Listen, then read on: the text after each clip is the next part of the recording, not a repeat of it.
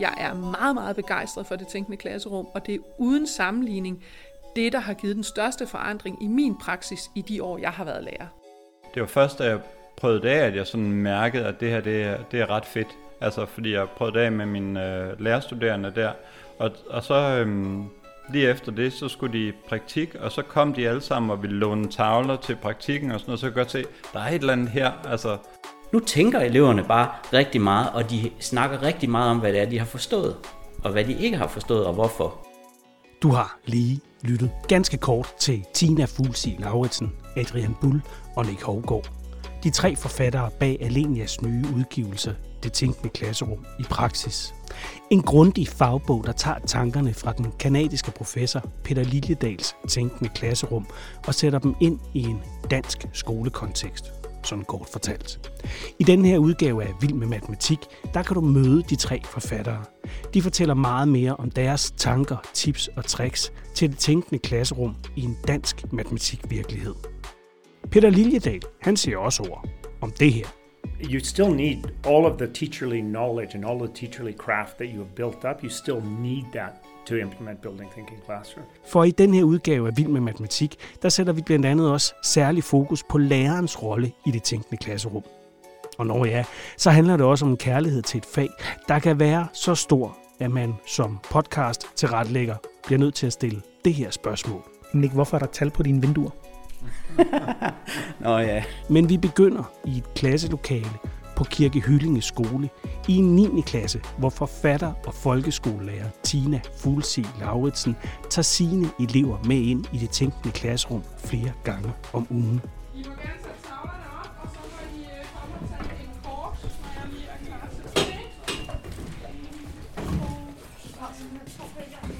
Men hvorfor er det lige, at det tænkende klasserum fylder så meget i Tinas undervisning i matematik? Ja, man kan sige, jeg synes egentlig, at alle årene har kigget på forskellige ting undervejs, men det var helt tydeligt for mig, da jeg fik øje på det tænkende klasserum, at her er noget, der faktisk kan, ret nemt kan gøre en rigtig stor forskel.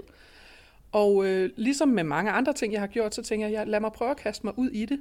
Jeg har hørt Peter Lilledal live ved en enkelt lejlighed, og han er jo meget karismatisk, og på den måde så var det nemt for mig at blive grebet af og gå ind i det. Og da jeg så først havde gjort det i klasseværelset, så var det helt åbenlyst for mig, at det gjorde en kæmpe forskel for alle elever, øh, både de svageste og de stærkeste elever, og derfor så var det nemt for mig at vælge at gå videre i det.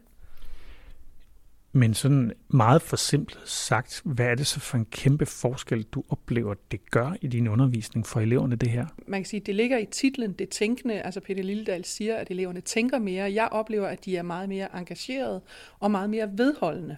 Der er rigtig meget af den danske matematik nu til dags, der handler om at undersøge ting.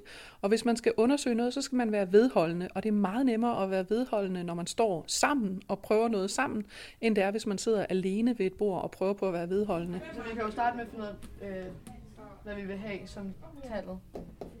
Altså som det, vil vi have, det, er det en eller I det tænkende klasserum arbejder eleverne typisk sammen i grupper af tre de står ved tavler, de har tusser, og de taler, tænker og undersøger matematik sammen. Det er kernen i det tænkende klasserum.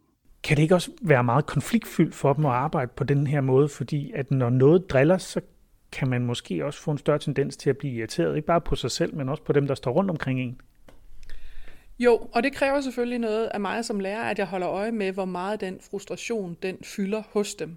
Men jeg plejer jo at sige, at de lærer allermest, hvis de er let frustrerede. De må meget gerne være frustrerede ind i opgaven, for så husker de faktisk bedre, hvad det er, de har været i gang med at lave. Hvis det går alt for nemt for dem, så har de glemt i morgen, hvad det var, de lavede.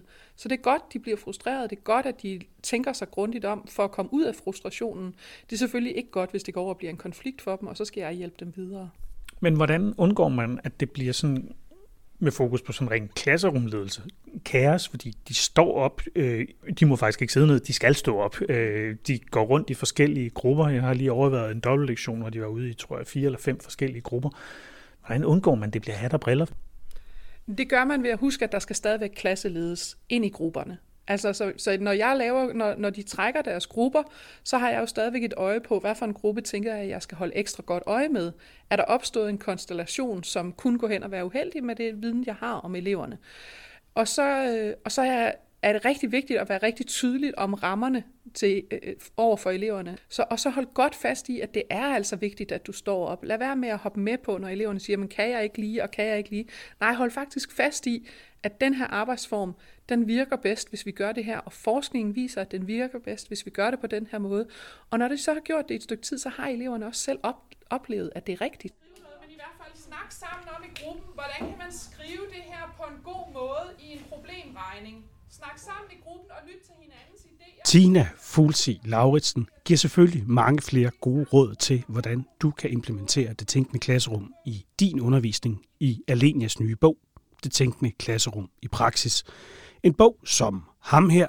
Nu tænker eleverne bare rigtig meget, og de snakker rigtig meget om, hvad det er, de har forstået, og hvad de ikke har forstået, og hvorfor. Og ham her Det var først, da jeg prøvede det af, at jeg sådan mærkede, at det her det er, det er ret fedt. også er forfattere på. Først hørte du Nick Hovgaard, og så Adrian Bull. En folkeskolelærer og underviser på læreruddannelsen, der som Tina Fuglsi Lauritsen har fundet det tænkende klasserum, og er helt sikre på, at det er en didaktisk tilgang til matematikken, der kan gøre en kæmpe forskel. Her er det først Adrian Bull. Altså, fordi jeg prøvede det af med mine øh, lærerstuderende der. Og, og så øhm, lige efter det, så skulle de i praktik, og så kom de alle sammen og ville låne tavler til praktikken og sådan noget. Så kan jeg godt se, der er et eller andet her, altså, som bare har været særlig fedt for dem. Altså, når de sådan virkelig tager det til sig, ikke? At nogle gange, så kan man godt mærke, at nogen bliver vilde med en eller anden teori eller noget andet. Men her var det bare alle sammen, der ville låne tavlerne, og så startede igen, så sagde kan vi ikke øh, få tavlerne ind? Jeg kunne nærmest, altså jeg blev nærmest sunget til at lave det tænkte klasserum. Øhm, og så tænker jeg, okay, det er fedt. Og så er der Nick Hovgaard, matematiklærer på Forældreskolen i Aarhus, konsulent hos CFU i Aarhus, og en mand, der skriver tal på vinduerne hjemme i køkkenalrummet. Nick, hvorfor er der tal på dine vinduer? Nå ja, vi sidder hjemme i min, i min stue, og øh, jeg har... Øh, både så arbejder jeg nogle gange hjemme, men jeg har også en søn, som jeg står og arbejder med, og lige nu der kigger vi op på en opgave fra Kontekst, som han tog med hjem i forgårs, hvor at, øh, han skulle lægge to tal sammen, så de giver 50. Og der siger læreren så til dem hen i skolen, kommer og siger, ved I hvad, hvor mange kan I lave?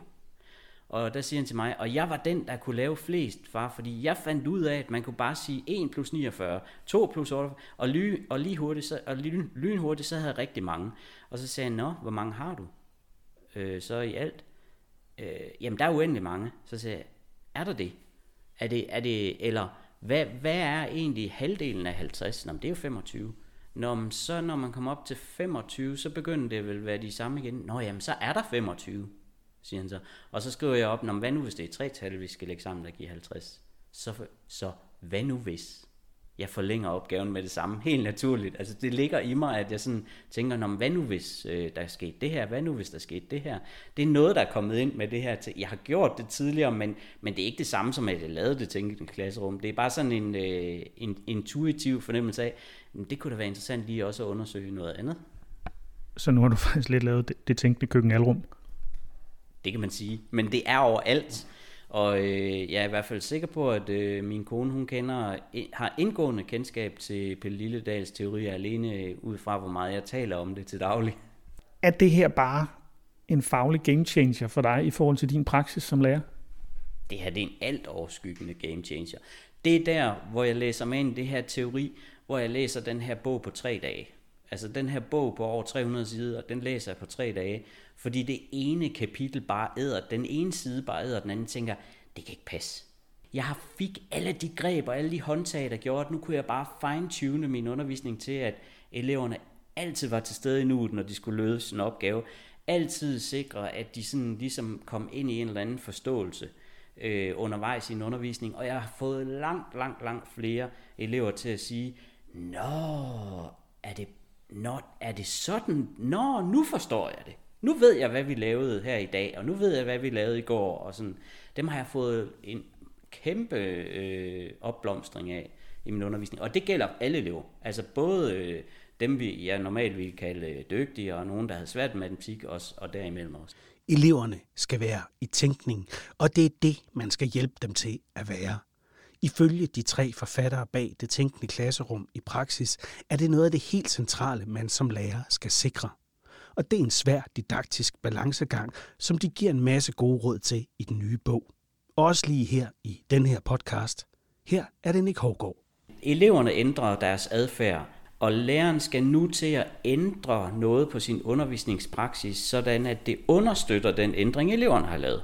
Og nogle af de her praksiser skiller sig ud nemlig ved, at det er meget, meget lærerpersonlige øh, ting, man skal til at ændre. Men her er man virkelig på spil som lærer. Så her giver man køb på alle de forventninger, som elever har til dig, som kollegaer har til dig, som forældre har til dig, som ledere har til dig, som du har til dig selv, om hvordan du mener, man hjælper elever bedst.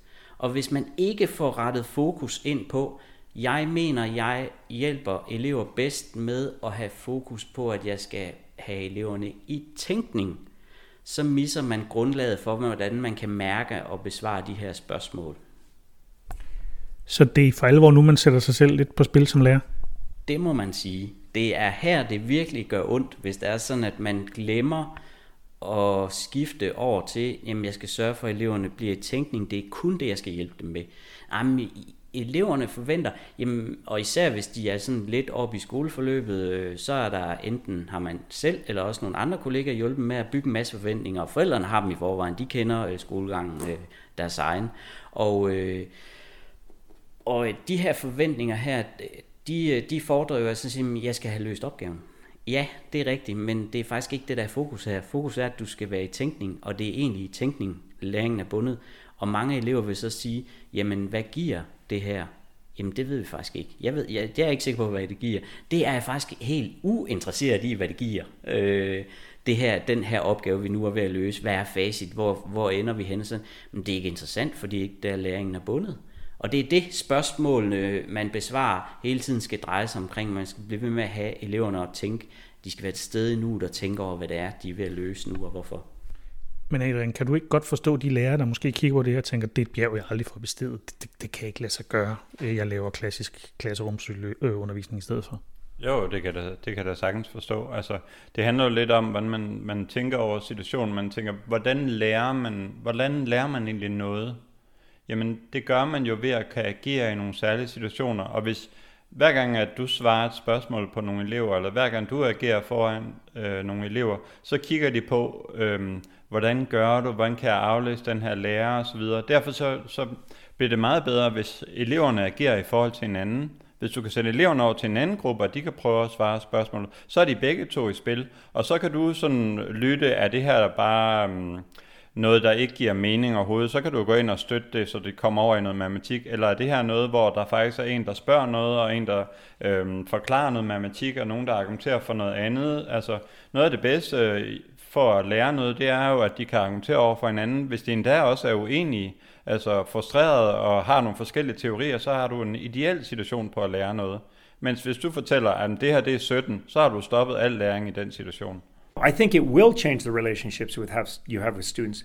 But if you don't have good relationships with students beforehand, implementing thinking classrooms isn't necessarily going to make that better. Og det her, det er så Peter Liljedal, den kanadiske professor, der har udtænkt det tænkende klasserum. Building thinking classrooms doesn't solve uh, solve bad teaching. So if you don't have a good relationship, you don't have classroom management, um, you don't have command of your curriculum, uh, you don't know how to differentiate for students of different needs. Building thinking classrooms doesn't erase those problems. It doesn't take problems away. In many cases, it may even accentuate problems. You have to still bring your best professional self to this to this pedagogy. Building thinking classrooms isn't going to make that less relevant. Teachers and what they bring to the table is more relevant than ever in a thinking classroom. If so, what we have found is teachers who have good classroom management before they implement have don't have issues with classroom management when they implement. Teachers who have good relationships with students before they implement will have better relationship with students after they implement. Students teachers who know how to differentiate and personalize learning for students with unique needs will know exactly what to do with that in a thinking classroom, right? Um, that was my point there. That it's you still need all of the teacherly knowledge and all the teacherly craft that you have built up. You still need that to implement building thinking classroom. And if you don't have that, you're still going to suffer for, for the, the problems that you encounter for not having those. Vi vender lige tilbage til Tina Fuglsig Lauritsen på Kirke Hyllinge Skole. Hvad er det vigtigste, man skal gøre sig klart som lærer, inden man giver sig i kast med at øh, smide eleverne ud i nogle grupper af tre og hive nogle øh, tavler op og nogle tusser? Altså, hvad skal man gøre sig klart? Og det er sådan set lige meget, om man har været lærer i en måned eller 22 år.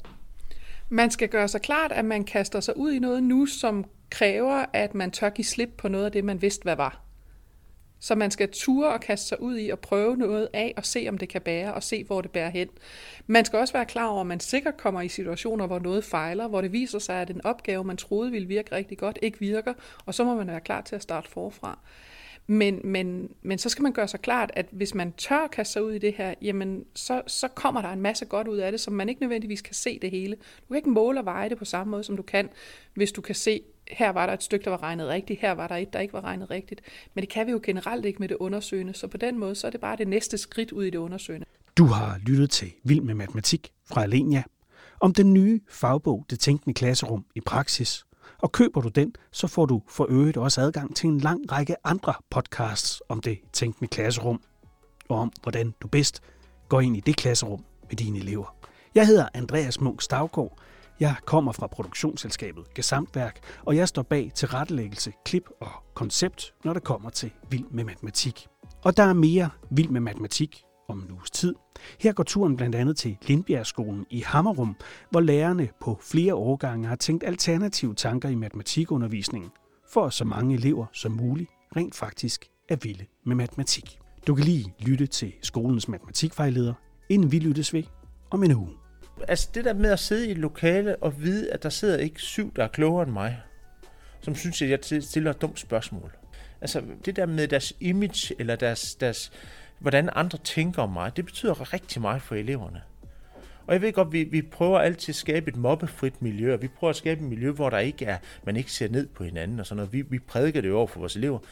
Men det der med, at de sidder i et lokale, hvor de rent faktisk ved, at dem, der sidder omkring mig, de sidder med de samme problemer, som jeg gør. Det betyder faktisk rigtig, rigtig meget for deres velbefindende i et lokale også.